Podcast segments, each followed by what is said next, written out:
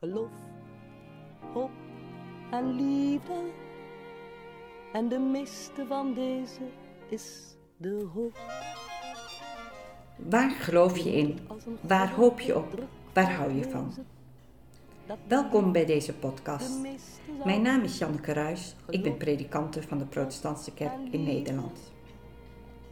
In deze podcastserie luister je naar wat mij en de mensen om mij heen bezighoudt rond de thema's van geloof, hoop en liefde. Leuk dat je luistert. Dit keer ga ik in gesprek met chef Smeerman. Hij heeft onlangs een boek geschreven over de geschiedenis van de Cosmas en Damianus, de Rooms-Katholieke moederkerk van Groesbeek. Met hem ga ik in gesprek over geloof en over de kerk. Welkom, chef. We zitten hier uh, in jouw uh, huiskamer. Op de ja. achtergrond soms wat uh, geluiden van de auto's, maar ja. daar doen we het mee vandaag. En ook overvliegende helikopters hoorde ik zojuist ja. vanwege ja. militaire oefeningen. En dat zegt ook wel iets van het tijdsgevricht waar we in zitten. Ja, ja. Je hebt een uh, prachtig boek geschreven, dat ligt hier ook op tafel. Ik heb ervan uh, genoten om die hele geschiedenis door te lezen. 100 jaar Cosmas en Damianus, de prachtige kerk midden in het centrum van Groesbeek. En uh, ook mooie foto's erbij. Ik vond het uh, erg leuk. En ik, ik was wel benieuwd, hoe kwamen ze zo bij jou terecht? hebben ze je gevraagd of heb je zelf gezegd van... Ja, nou, ze, ik ben wel, wel gevraagd. Het, het, heeft denk ik zijn... Het feit dat die vraag kwam, ligt ook, lag in zover een beetje voor de hand. Ik ben eigenlijk altijd erg ook geïnteresseerd geweest in het wel en wee van de, van de parochie eigenlijk vanaf, uh, ja, eigenlijk af, vanaf het feit dat ik misdienaar werd, hè, dat in katholieke kring begon, daar kon je kerkelijke carrière een beetje mee beginnen, misdienaar zijn. En uh, vervolgens kwam het jongerenkoor uh, in, toen ik een jaar of 16 was. En van daaruit ben ik eigenlijk altijd lector geweest. En ook, ben nooit progiebestuurder geweest of zo, maar wel actief in diverse mm-hmm. werkgroepen. Onder andere omtrent liturgie en zo. En altijd eigenlijk tot voor een paar jaar uh, terug eigenlijk nou ja, vrij nauw betrokken geweest bij het wel een wee van, van, van de parochiekerk. En dat is denk ik de reden dat men heeft gevraagd, wat Godchef, zou je dat willen doen? Moet ik natuurlijk ook wel bijzeggen dat ik van huis uit onderwijzer, maar ook geschiedenisdocent ben. Ja. En dat ik al van het, wat heemkunde betreft ook al de nodige boeken, een paar publicaties samen met anderen heb geschreven. Dus ja, dat, ik, vond, ik, snap, ik snap dat de vraag bij mij kwam. En ik ja. moet zeggen, ik heb dat met heel veel plezier heb ik die uitdaging uh, opgepakt. Ja, en wat ik me afvroeg, want ik, het is een heel mooi boek geworden. Het is ook leuk als de kerk 100 jaar bestaat, dat je daar ook naslagwerk van hebt. Dus dat dat ter gelegenheid van die viering is uitgegeven ja, is, is prachtig. Wat ik me wel afvroeg, je, schrijft, je zegt al, je was heel verbonden met de kerk. Uh, 70 jaar uh, heb je dat allemaal meegemaakt. Heeft je nog iets verrast toen je het allemaal ging uitzoeken? Deed je nog nieuwe ontdekkingen? Kwam er iets oh, dat is een hele leuke vraag. Moet ik even goed nadenken. Uh, ja, uh, ja, hele, hele spectaculaire ontdekkingen. Wat echt wat, wat, wat voor mij totaal onbekend terrein was, eigenlijk niet zozeer.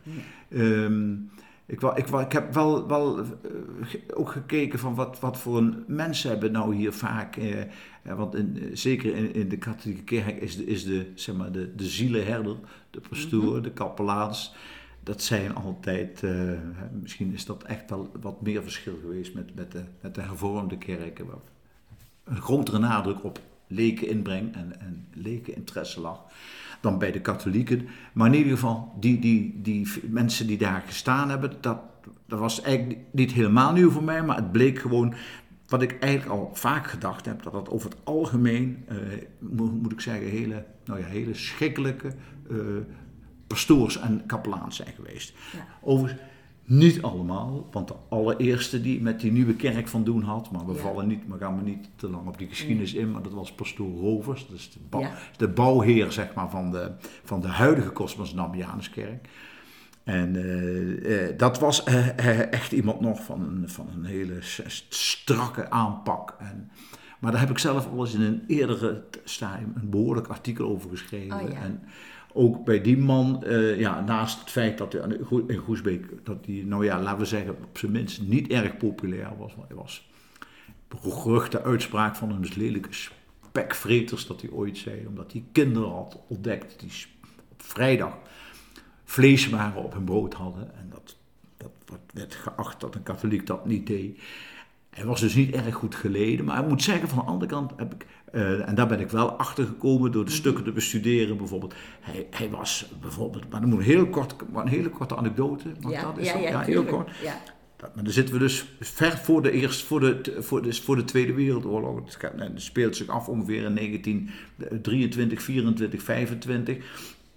Dan is de fanfare in Groesbeek, die is niet, dat is een van de weinige niet-katholieke verenigingen. Bijna. Mhm. alles is katholiek. hè. Op, op natuurlijk de protestantse enclave na, maar Ja. de- al die, allemaal katholiek, fanfare niet. En de fanfare had nou juist veel, eh, zeg maar, eh, sponsors. Dat waren in die tijd de, de veelal protestantse landheren die er waren. Ja. De pesters, eh, van Lawik van Papst op de Wollersberg. eh, en zo verschillende figuren. Die sponsorden stevig die fanfare. En toen ging het over eh, optredens in de avond. De pastoor zei, nee, gemengde uitvoeringen, mannen en vrouwen, dat gaat niet gebeuren op de avond. Eh, want dat eh, mag, zei de fanfare, maar wij willen voor onze eh, eh, donateurs, willen wij dat die hun vrouwen, hun echtgenotes mee kunnen brengen. En, en dat, dan moet ik zeggen, daar waardeer ik Bureau Verstand wel. Dan zegt hij, ja, luisteren, wat aan de een verboden wordt, kan de ander niet worden toegestaan. Dus Ja. rijk, rijk of arm, Ja. het gaat niet door. Hè? En dat was Gelijke monniken, gelijke, gelijke kappen. kappen. En dat moet ik zeggen, dat vind ik juist voor die tijd, was dat juist wel uitzonderlijk dat iemand zo dacht. Eh, Dus dat, maar op het algemeen, ja, maar als je om nog terug te komen op je vraag, ben je nou echt hele verrassende dingen tegengekomen? Nee, kan ik eigenlijk niet zeggen. Maar dat komt ook wel omdat ik al bijna inderdaad wist al 70 veel. jaar meemaak. Ja. En het, ja, eigenlijk was het, eigenlijk, je kunt zeggen, dat is eigenlijk een feest van herkenning, ik het zo maar zeggen. Ja, ja. Nou, je proeft het ook hoor, dat je het met plezier hebt geschreven als ja. je dat leest. Ik kwam wel een verrassing tegen. Eh, eh, nou, onze protestantse kerk eh, is natuurlijk jullie kerk geweest. Hè? We waren natuurlijk allemaal katholiek. Maar dat de naam Cosmos en Damianus, ik, ik dacht zelf, misschien heel onnozel van mij, dat die eh, was hier gekomen toen deze kerk gebouwd is. Maar dat blijkt niet zo te zijn. Nee, hè? nee, nee, die naam Cosmos Damianus die is eigenlijk ongeveer vanaf 1000, zeg maar, van rond de bouw van de, van de, zeg maar, de huidige eh, hervormde kerk. Hè, die is rond 1050 is daar de eerste, zeg maar, een Romaans zaalkerkje heeft daar gestaan van 10 bij 7 meter, meer was het niet. En eh, die heeft al heel vroeg de naam Cosmos Damianus gekregen. Dat is nagenoeg zeker op basis van precies de plekken na te gaan waar die verering van die twee heiligen, die oors- oorspronkelijk uit, eh, uit de buurt van Aleppo kwamen, of het huidige Ja, Aleppo. ja. Daar zijn ze ook als martelaren in de derde eeuw vermoord. En vanaf de vijfde, zesde eeuw begint hun verering te groeien. Met name vanuit Constantinopel, het Oost-Romeinse Rijk, zeg maar. En dat is zo, door, naar, via Rome is dat uiteindelijk via Duitsland, Xanten, naar Groesbeek en Nijmegen gekomen. Omdat de Nijmeegse valkhofbewoonster Thea Funu, die prinses, of die keizerin later, die haar leven schonk aan Otto III...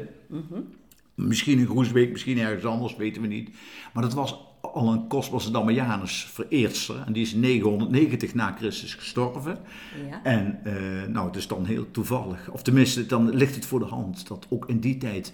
En die Cosmos Damianus eh, kerk hier zo genoemd is. Ja, wat, ik, eh, wat me dan nu te binnen schiet, in Beek hebben we het over de grote en de kleine Bartholomeus. Je zou dus eigenlijk hier kunnen spreken van de grote en de kleine Cosmos en Damianus. Ja, dat zou je inderdaad kunnen doen. Ja, Ja. ja. Eh, je schrijft ook in je boek, hè, want iedereen die echt de geschiedenis wil weten, raden wij natuurlijk aan, eh, lees het boek, koop het boek. Het is echt de moeite waard. Maar je schrijft ook, eh, ja, het gaat niet alleen over de geschiedenis, maar ook een balans opmaken in het heden met het oog op de toekomst. ja.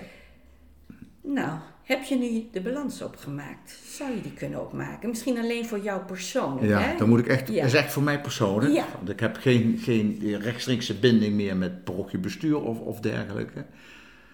Ehm, maar je ziet, en, ja, en dat is natuurlijk een, een trend die, die zich in het hele kerkelijke Nederlandse leven, en trouwens voor een deel ook in West-Europa, ja. Uh, afspeelt. Dat de betrokkenheid, zeg maar, voor de grote lijn afneemt. Ehm, ook wat mensen ervoor over hebben. Vrijwilligers zijn steeds moeilijker te vinden, om maar wat te noemen. Koren vergrijzen. Ja, een, eigenlijk een, een, vind ik zelf, een vrij dramatisch proces van ja. uh, teruguitgang. Ehm, ik weet ook in de discussies die we ook hebben gehad met de werkgroep, ik heb trouwens alle ruimte gekregen mm van, de, van, van de parochie om echt te schrijven wat ik, uh, nou ja, wat ik meende te mogen en kunnen schrijven. Um, maar we hebben wel discussie gehad van, God, is het niet de toon niet te somber of te negatief? Maar ja, dus de cijfers die spreken uh, zoals ze zijn. En um, uh, ja, dan is de vraag, ik praat ook over het gebouw. Uh, want juist is onlangs besloten dat er in, in volgend jaar januari hè, een, weer, weer de Goesbeekse, een van de uit de, deze moederschoot afkomstige andere kerken gaat sluiten ja, dat proces dat zal eh, voorlopig eh, niet, niet stoppen. En eh, dat, ja, dat heeft wel consequenties. Ja. Dat, dat herken ik natuurlijk. Hè? dat is bij ons net zo in de protestantse kerk. En ook wij hier in Groesbeek, wij worden ook steeds kleiner. En het is altijd ook een balans om de realiteit onder ogen te durven zien. We krimpen. Ja, durf je dat te zien? Uh, ja, ik vind het ook wel moeilijk. Je wilt ook hoop houden, hè? Maar je kunt jezelf ook met valse hoop ja. in leven houden. En dat is een spannend veld. En dat weten we ook nog niet, welke kant nee. het opgaat. Nee, dat klopt. Maar aan de andere kant, uh, juist door realistisch uh, te kijken, niet je wens. Ik wil graag dat het weer opbloeit. Of zoals de pastoren heel, heel, heel positief zeggen. Nou, wie weet komt die toren nog die er nooit gekomen is. Dat is natuurlijk een, een diepe wens. En wij weten het ook niet. Het is ook een hoop die je wilt houden. Tegelijkertijd denk ik wel dat het ook goed is om de realiteit te blijven zien. En op basis van die realiteit ook weer nieuwe plannen te maken naar de toekomst. Want ja, zelf denk ik, maar dat is ook een persoonlijke overtuiging. En dat is niet dat ik dat nu voor de katholieke kerk denk. Ik denk dat voor onze eigen gemeente als wij blijven vasthouden aan wat er is en niet openstaan voor andere mogelijkheden, ben ik bang dat we het gaan verliezen. Ja, ja. ja. Ik, uh, ik denk dat we, niemand weet uh, hoe de weg uh, ja. moet gaan. Ik heb daar ook met Alois, pastor Alois, pas in mijn vorige podcast over gesproken. We weten het geen nee. van allen.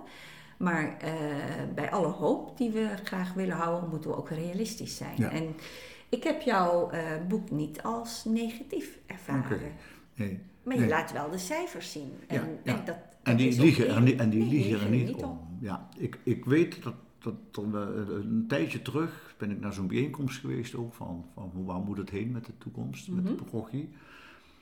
En um, dat weet ik, dat, dat heb ik trouwens niet in dat boek geschreven, maar heb ik wel de opmerking gemaakt. Die is me niet geheel in dank afgenomen, maar ik heb toen gezegd, mag ik eens een voorspelling doen? Ja. Ik zag wat mensen mee omkijken en toen zei ik, ik vermoed dat als ik over 25 jaar kijk, dan denk ik eerlijk gezegd dat er eens in de maand een dienst is, en toen heb ik gewezen Ja. naar de hervormde kerk, Ja. dat op de eerste zondag van de maand een heel klein groepje misschien protestanten bij elkaar komt en dat in de tweede zondag of derde zondag van de maand in dezelfde kerk een heel klein groepje katholieken komt en dat we misschien op feestdagen daar samen zitten.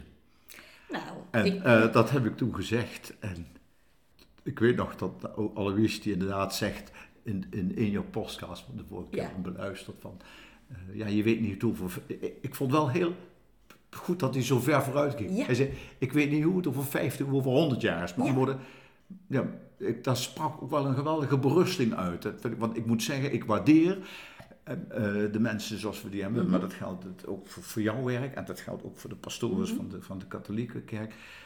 Zoals ze op dit moment werken en, ze, en ze aan de weg timmeren, kan ik alleen maar bewondering voor Ja. hebben.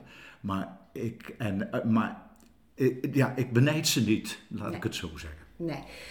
Ik, eh, eh, ik denk dat wij als protestantse kerk, wij zijn natuurlijk nog kleiner. Dus bij ons is de noodzaak nog groter. Het besef, wij gaan dit alleen niet redden. Mm. Waardoor wij eh, eh, al veel meer ook nadenken, wat kunnen we nou doen om, dat zijn dan geen kerkdiensten, maar ook, ook belangrijke diaconale, zingevende activiteiten voor hele het dorp doen.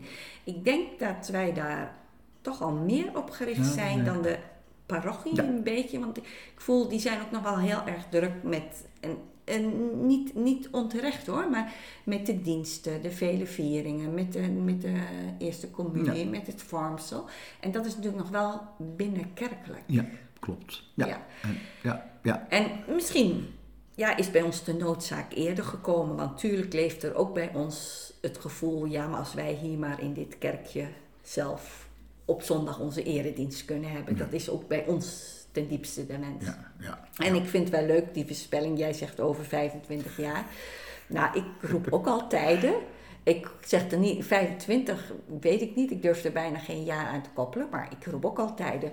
Onze kerk, eh, daar gaan we het samen ooit in doen. Ja. Dat denk ik. Ja. Dat denk ik. En je, je weet ook van dat gebouw, dat blijft altijd een kerk. Ja. Dat, blijft, altijd een kerk. Dat blijft altijd in kerk. En, want- en, en ehm, ja, dat is met de, met de, met de, nou ja, de, de, de brede weg, dat gaan we binnenkort zien. Ja. Ik ben daar overigens allemaal eh, zeer geïnteresseerd hoor, dat moet ik zeggen. Eh, Om, gewoon om het te volgen eigenlijk.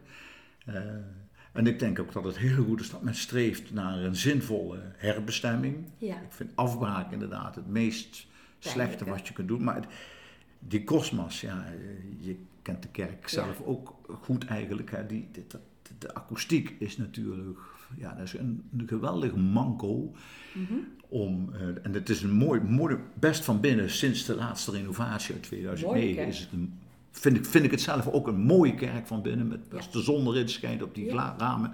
Prachtig, maar ja, de, de- hij, hij is niet geschikt voor 60, 70, 80 gelovigen ehm, die daar verloren in de ruimte zitten. Ja. En je, je stelt ook de vraag, hè, wat is de instandhouding van deze kerk waard? Ja. De toekomst zal het eh, Ja, de maar dan zul je ook meer moeten doen inderdaad dan de traditionele. Maar ja, dat is heel Maar moeilijk. Ook, ja, dat is ook heel moeilijk. Maar ook wat is het eh, waard, ook financieel waard Ja. natuurlijk, van zo'n Ja. kerk in stand houden. Ja, dat, is, ja dat, is, dat kan op een gegeven moment niet meer. Die steeds kleiner wordende groep, Nee. eh, eh, zeg maar, betalende Pogianen. En, is- en wij kunnen dat ook niet. En historisch gezien lijkt dan eerder eh, de protestantse kerk, eh, de historische kerk met de toren, Ja. dan de kosmos. Ja. Maar we zullen het zien. Ja. We zijn beide op een leeftijd dat de vraag is wat wij daar nog van meemaken. Ja, dat is inderdaad de vraag. Ja. Chef, je, je, je, je schreef ook in het boek: Het geloofsgoed is van me afgegleden. Wat wat kun je er iets over vertellen? Ja, dat, ja, daar kan ik. Ja, ja, ik heb die opmerking eh, toch wel bewust ingezet. Ja, hoe moet ik dat zeggen? Ehm, ik, ik kom van, van huis uit. eh, mijn vader was, was Rotterdammer. eh, Mhm.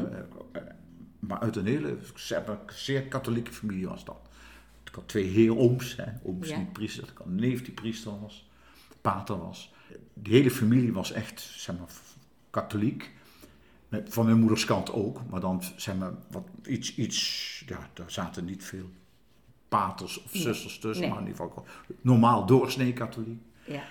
En altijd heel erg betrokken geweest. Eh, of het ook vaak een kwestie is geweest van een zekere traditie waar je in zit, dat, dat weet je niet. Maar dat ging allemaal gelijk op met, met geloof en, en, en dingen doen, zeg maar, beleven. En op een gegeven moment dan ga je de vraag stellen, ja, wat geloof, wat geloof ik nog? Mhm. Nou, ik geloof een paar dingen wel. Ik geloof heel erg sterk in, in het goede, in wat in mensen kan zitten en ook het slechte wat in mensen kan zitten. Dus als je mij vraagt, geloof je in de duivel, dan geloof ik niet in de duivel. Maar ik geloof wel in het feit dat, dat er heel veel slechtheid is. En bij iedereen kan zijn en dat dat er is. Maar ook goedheid is. Dus dat, dat, dat geloof ik. Goed en kwaad, daar geloof ik in. En eh, dat er, ehm, hoe zeg je dat? Moet God of eeuwig of maar dat, dat er een soort lotsbestemming is waar je geen grip op hebt, dat geloof ik ook. Dat je geluk kunt hebben, dat je pech kunt hebben, dat je, allemaal dat soort zaken, het onvoorspelbare. maar de, de, zeg maar, de, de, de allesbestierende God, dat, ja, dat geloof heb ik niet meer. Nee. En weet je ook hoe het is gekomen dat je het kwijt bent geraakt? Want waarschijnlijk zul je het als kind wel hebben gehad. Ja, dat heb ik, ja, dat, dat had je als, ja, dat heb ik denk ik heel lang wel gehad. Gewoon dat, dat, dat als het ware vanzelfsprekend was dat dat er was of dat, dat je daaraan dacht. Dat is eigenlijk, echt langzamerhand is dat, ja, ja eigenlijk opgelost. Het is opgelost. Er ligt niet een ervaring aan de grond. Nee, nee, nee. En ook niet, eh, ook niet, bij mij ook geen enkele bitterheid aan de periode. Dus van wel. Dus, want ik stoor me soms aan de, de, het negativisme waarmee alles wat, zeg maar het woordje kerk, op, soms oproept. Ja.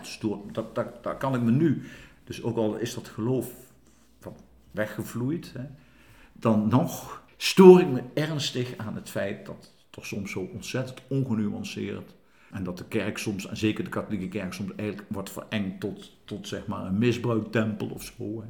Dat, dat het alleen maar daar lijkt om te gaan. Een paar jaar geleden ging het om de, anti, de, de pauze en de anticonceptie bijvoorbeeld. Dat was allemaal, dan denk ik van, nog wel eens stevige discussies met vrienden ook over van als je kijkt naar dat verleden, wat, wat, wat er aan, aan ziekenhuizen, aan zorginstellingen, aan verenigingsleven, over de tola, totale breedte in de mhm. samenleving wat allemaal deels, en, grote, en soms grotendeels kerkelijk geïnspireerd was. Dat wordt eigenlijk allemaal in één veeg. Soort af, lijkt wel een soort afrekening van de maatschappij met de kerk. Ik denk dat dat ook een van de redenen is. Dat betrokkenheid afneemt van zij die afhaken, horen om zich heen ook niet anders dan, ja, dat het een, vaak dat het een instituut is dat zijn geloofwaardigheid heeft verloren. Ja, het, het, er zijn nog het is natuurlijk het instituut dat zijn geloofwaardigheid heeft uh, verloren, heeft, het een probleem heeft. Het is misschien ook, we zijn natuurlijk door de verlichting heen gegaan en ook ons, ons denken, geloven in God, daar is ook wel wat in gebeurd. Wij krijgen het ook, ook na, de, na, na Auschwitz, we, we krijgen het uh, niet meer goed op een rij van uh, boven zit God en die, die bestuurt alles. Ja. Dat, daar kunnen wij, zeker in het Westen, kunnen wij ons eigenlijk niet meer aan overgeven. Nee. En zou je ook, ook op zoek moeten gaan naar, naar nieuwe beelden van de betekenis van God, van het geloof in deze tijd, in onze tijd, in onze moderne westerse mens. Ja, de, de, de, van Gods zorg voor ons, dat kan, kan, kan heel troostend zijn, kan bemoedigend zijn, maar het kan ook betekenen op het moment dat mensen dan iets heel heftigs meemaken, dat ze dan ook soms in één klap hun geloof kwijtraken. Ja, Want dan blijkt dat God op dat moment niet gezorgd heeft. Nee, nee, ja, ja dat, dat risico zal ik niet lopen, omdat dat eigenlijk, omdat ik daar denk van ja. Dat, dat bedoel ik, wat ik met dat lots of noodlotsdenken ja. noem, dat, dat zie denk ik vaak. Ja. Dat, dat, of het geluk, dat, dat is zo ongrijpbaar. Ja. En ja. dat, ja, dat is dat, daar kan ik wat even vooruit, maar dat verwijt kan ik niet. Het feit dat je pech hebt, dat, kun je, dat, dat kan, ik ga ik niet meer toeschrijven. Ook niet toeschrijven aan God. Ook niet dat ik het heel goed heb. Dat, ga ik ook, dat is gewoon, ik denk van ja, de dingen zijn gegaan zoals ze zijn gegaan. Ja. ja. En uh, chef, uh, de jongste zijn wij beiden niet meer. Als je nou denkt aan de dood. Ja, ja, dat, ja, dat, dan, ja, dan, ja, dan denk je, je denkt dan, naarmate je ouder denk je daar natuurlijk vaker aan. En, en, dan zegt hij ook, God, wat gaan we doen straks? We hebben het dan vaak, vaker over. Kerkelijk begraven, niet kerkelijk begraven. Ja, ik heb zelf, ik geloof zelf, dat is, dat is ook met dat mhm. geloof wat weg hebt. Dus ik, ik denk dat, dat je inderdaad de eeuwige rust vindt, maar dat, dat ik zie, eh, ik zeg wel eens eh, wat spottend tegen mhm. mijn vrouw. Ik zeg, oh nee, ik moet er toch echt niet aan denken dat er de hemel is, vind ik die en die die nog allemaal ten, ten eeuwige dagen tegenkom. Ik moet er niet aan denken. Dus ehm, nee, ik denk dat het afgelopen is. En ik denk dat je nog voortleeft in je kinderen en in je kleinkinderen. En zolang misschien nog, nou ja, mensen die prachtige muziek hebben geschreven of een hele mooie boek hebben geschreven die blijven, die blijven eigenlijk leven, zeg maar. En mhm. het zal weg hebben, denk ik. En daar kun je vrede mee hebben? Daar kan ik vrede mee hebben. En dan, zeg, en dan heb ik toch altijd gezegd, nou dan hoop ik toch. En dat heb ik al een paar keer ook tegen mensen in de kerk gezegd. Maak nou eens wat meer ruimte dat je niet... Kijk, je kunt naar... Ook prachtig, ook oud kerkgebouw boven op Sionsheuvel. Mm -hmm. veel. Ja. Dat kan. En, uh, maar je kunt ook, uh, zeg maar, meer in de vorm van, van, een, van een gebedsdienst. Of er zou meer laat ik zo zeggen, ik zou heel graag best in de kerk begraven willen worden. Maar dan niet met een, met een Eucharistieviering. En ook niet te veel klemtoon op God. Want dat, dat past dat, ook dat niet past meer bij je leven. Maar, maar heel veel andere dingen. Het gevoel, bijvoorbeeld een kaars opsteken. Of waar, dat, waar, wij, waar wij ook uh, trouwens in het buitenland zijn. Gek genoeg, altijd bezoeken wij, een, een, als het enigszins kan, bezoeken we een dienst je bezoekt ook echt een dienst, niet alleen ja. een kerk. nee, nee, we bezoeken altijd, als wij op zondag ergens zijn, dan uh, bezoeken we een dienst. En dat is vaak heel erg verrassend. En, en wat maakt dat je, ik bedoel, heel veel mensen bezoeken kerken, maar jij zegt we bezoeken Ja, ik zeg wel eens, ik ben een ongelovige katholiek. Uh, ja, of een cultuurkatholiek heb ik het ook wel eens genoemd. Ja. misschien toch een beetje die, waar ik ontzettend goede herinneringen heb, die samenhorigheid die we in die tijd hadden met zo'n jongerenkoor, met, met dingen opzetten. Uh, met vereniging. Ik heb met Jan van Gerstel in de vakantiewerk, hè, dat stond ja. het eerste moment ja. bij. Dat waren allemaal, dat, dat, dat, dat was gewoon een, een verwevenheid. Uh, ja, waar, waar ik waar, gewoon heel veel credits toeschrijf aan dat bestaan van die kerken. En dat misschien is... ben je een gemeenschapsgelovige? Ja, ja, ja nou, zo zou het. Ja, misschien, ja, denk ik wel. Ja, ja die gemeenschap die je daar hebt gevonden. En als het dan ergens een, een dienst waar, waar, waar, wat, wat aan, ook al verstaan wij geen woord, dat is trouwens weer het voor, klein beetje het voordeel van de katholieke eredienst. Je weet precies waar ze zitten, want ik bedoel, ja, dat, dat kun je, en, je kunt het altijd volgen, altijd. Ja, altijd, en dat is een nadeel dat, dat, van dat, dat, dat is precies altijd hetzelfde procedé. Dat, dat is weer soms een voordeel. Ja, maar, is, is de wereld. Het is weer die sfeer, ja. Het is, ja, die, ja, ja kijk, dat, dat, kan, laat ik zo, dat laat ik nog niet los. Overigens, ik zing ook Gregoriaans bijvoorbeeld. Oh ja. Dat doe ik eens in de zes weken. Dat is ook meestal de enige. Om de zes weken bezoek ik dus ook altijd daardoor een, de dienst.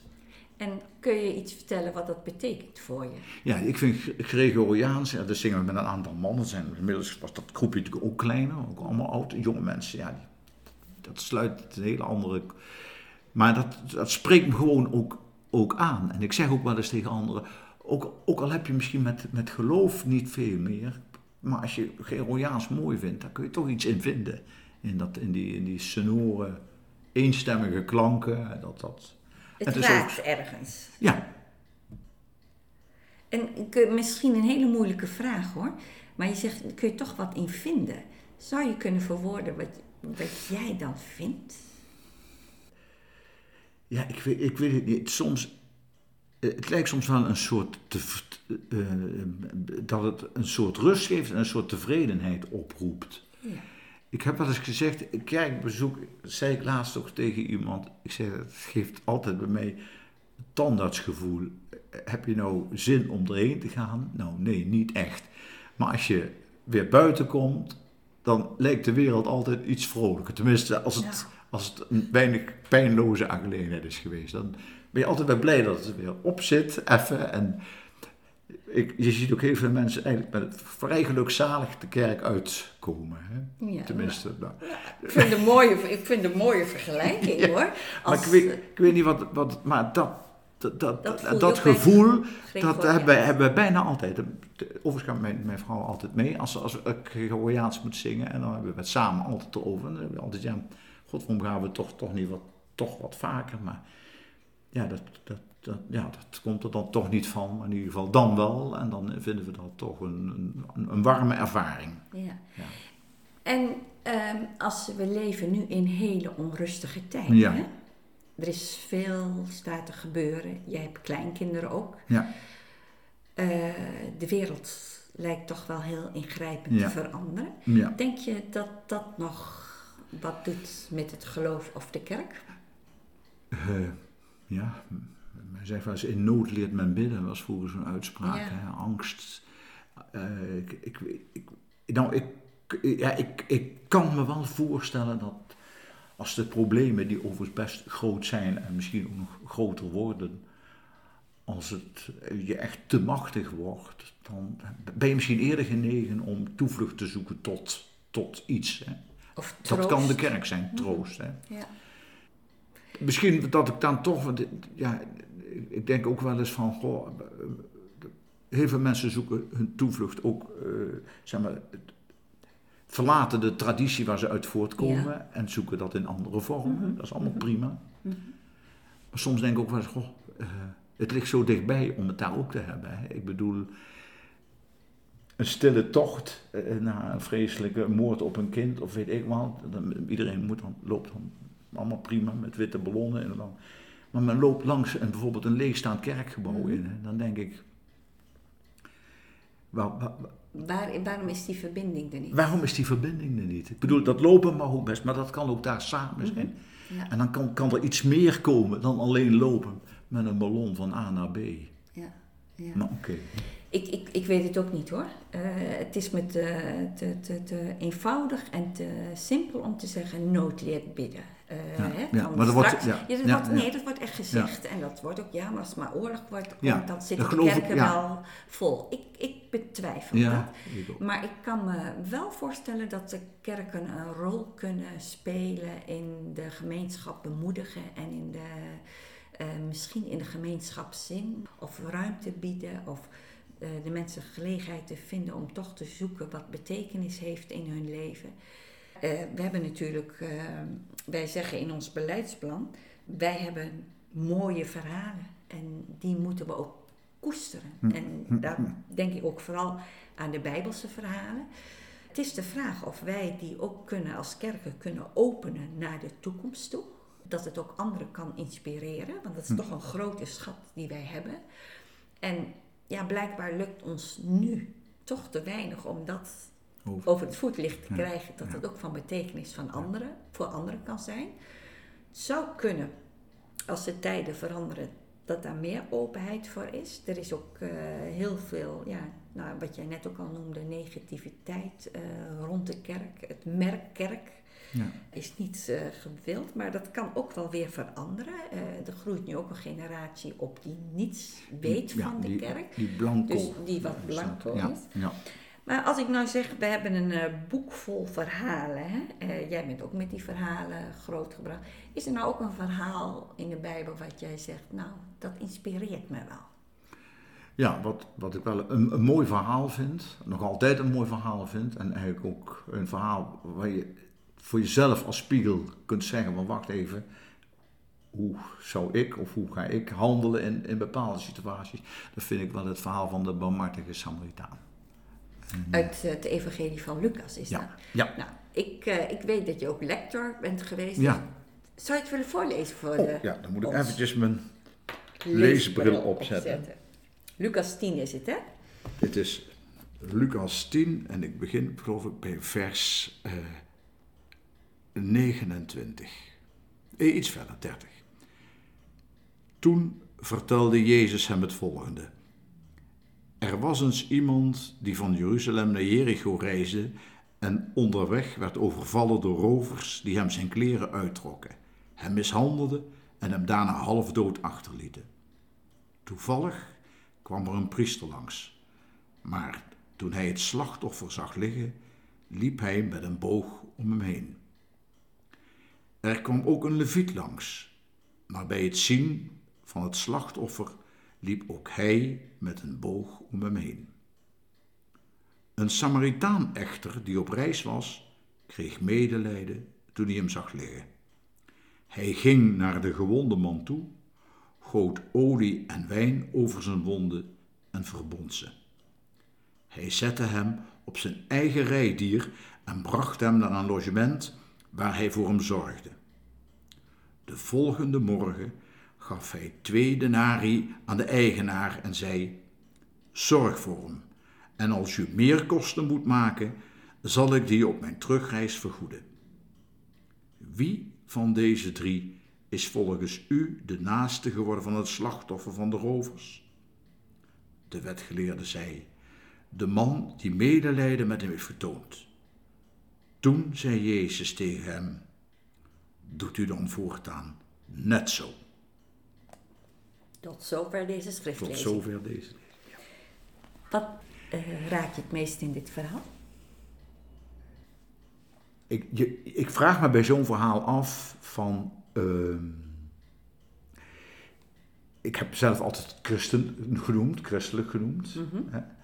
uh, hoe sta ik dan, ga ik dan zelf staan in die noden in de wereld? Dan wil ik niet zeggen, ik, wil ik zeker niet zeggen, ik ben de Samaritaan. Ik wil ook zeker niet zeggen, ik ben de leviet of de priester. Misschien ben ik soms wel van alle drie wat. Uh, en dat, dat, die spanning van uh, hoe kan ik dat ruimen, rijmen met, met, uh, met, het, ja, met het christen zijn, dat is wel eens moeilijk. Want de figuur, je vroeg straks wie inspireert je, de figuur Christus. Kijk, dat vind ik een andere figuur dan God. God is, maar de figuur Christus, als, die, die vanuit in zijn tijd levende natuurlijk. Helemaal zoals iedereen toen met een bepaald godsbesef leefde. Maar in ieder geval. Maar die figuur die, die moet toch zoveel indruk gemaakt hebben op mensen. Dat we het er nog over hebben, dat we nog ja. zijn verhalen lezen. Met die verhalen, daar kan ik wel iets mee in die zin. Maar dan moet ik er wel bij zeggen, in alle bescheidenheid, van dan vooral als spiegel van. En waar sta jij dan, chef, in de situaties? Nou, vind ik een hele, vind ik een hele mooie vraag die je aan jezelf stelt. En in die zin uh, denk ik ook, uh, en dat zul je misschien ook wel beamen, dat het toch wel heel, heel jammer is dat hele generaties nu zonder, of volkstammen moet ik misschien zeggen, zonder deze verhalen uh, ja, dat opgroeien. Ik, ja, dat denk ja. ik wel. Want juist het Nieuwe Testament, ja, dat, daar zitten echt verhalen in. Tenminste, heel vaak kun je daar lijnen mee, mee ook trekken naar de situatie van nu. Hè? Ja. En ze zijn, ja. ja. Het kan uh, ook richting en betekenis aan ons leven geven. Ja. ja. Chef, ik wil je ontzettend bedanken dat jij ons wat verteld oh, hebt uh, over de kerk, maar ook over je eigen geloof, uh, je staan in het geloof. Ik heb een kaars meegebracht. Nou, ik zou jullie uitnodigen om een kaars aan te steken als dank ook voor dit gesprek. Maar ja, is er iets waar jij zegt, nou daarvoor wil ik wel graag een kaars laten branden? Ja, eigenlijk toch wel. Het ligt misschien wel heel erg voor de hand, maar dat is dan maar zo. Wat me heel erg, wat, wat ons, wij zijn nogal fanatieke liefhebbers van de stad Lviv in de Oekraïne, en vrouw en ik. Daar zijn we al drie keer geweest. En we hebben ook contact met een mevrouw die we daar, de laatste reis, dat was kerstmis afgelopen jaar. Dus net, net voor de oorlog. En we zagen die stad gewoon opknappen. NRC heeft ooit geschreven, het is een van de tien mooiste steden in Europa. Om die reden zijn we daar naartoe gegaan. Ik vind het, en wij vinden het heel vreselijk wat, wat er op dit moment yeah. gebeurt. Yeah. En ook heel vaak wordt er van beide zijden ook God op beroepen. Hè. Ook mm -hmm. de Russisch-Orthodoxe kerk. Hè. Vreselijk vind ik dat, dat de manier waarop God dan misbruikt wordt in mijn ogen zijn naam. Ja. Maar in ieder geval, uh, ik steek het kaarsje op in de hoop dat deze ellende zo, op zo kort mogelijk termijn zodanig wordt opgelost dat het, uh, in ieder geval uh, de minste schade aan de kant van Oekraïne valt. Dat er weer wat meer perspectief komt. Ja. Want dit vind ik op dit moment heel urgent. Het klimaat en allemaal dat soort zaken, ja, die raken zelfs, zelfs net, net zo misschien nog veel bedreigender zijn op iets langere termijn. Die raken gewoon hierdoor ook op de achtergrond. Dus voor alle andere problemen is het vooral zaak dat dit volstrekt onnodige conflict uit de wereld wordt geruimd. Nou, dan uh, hopen we voor licht voor de mensen van Oekraïne. Dat hoop ik, ja. Ja, dankjewel voor dit gesprek. Graag gedaan. En de meeste van deze is toch de Leuk dat je geluisterd hebt naar deze podcast. Vond je dit inspirerend? Deel het met anderen. En voor nu, fijne dag of fijne nacht. Hoop op geloof in de liefde.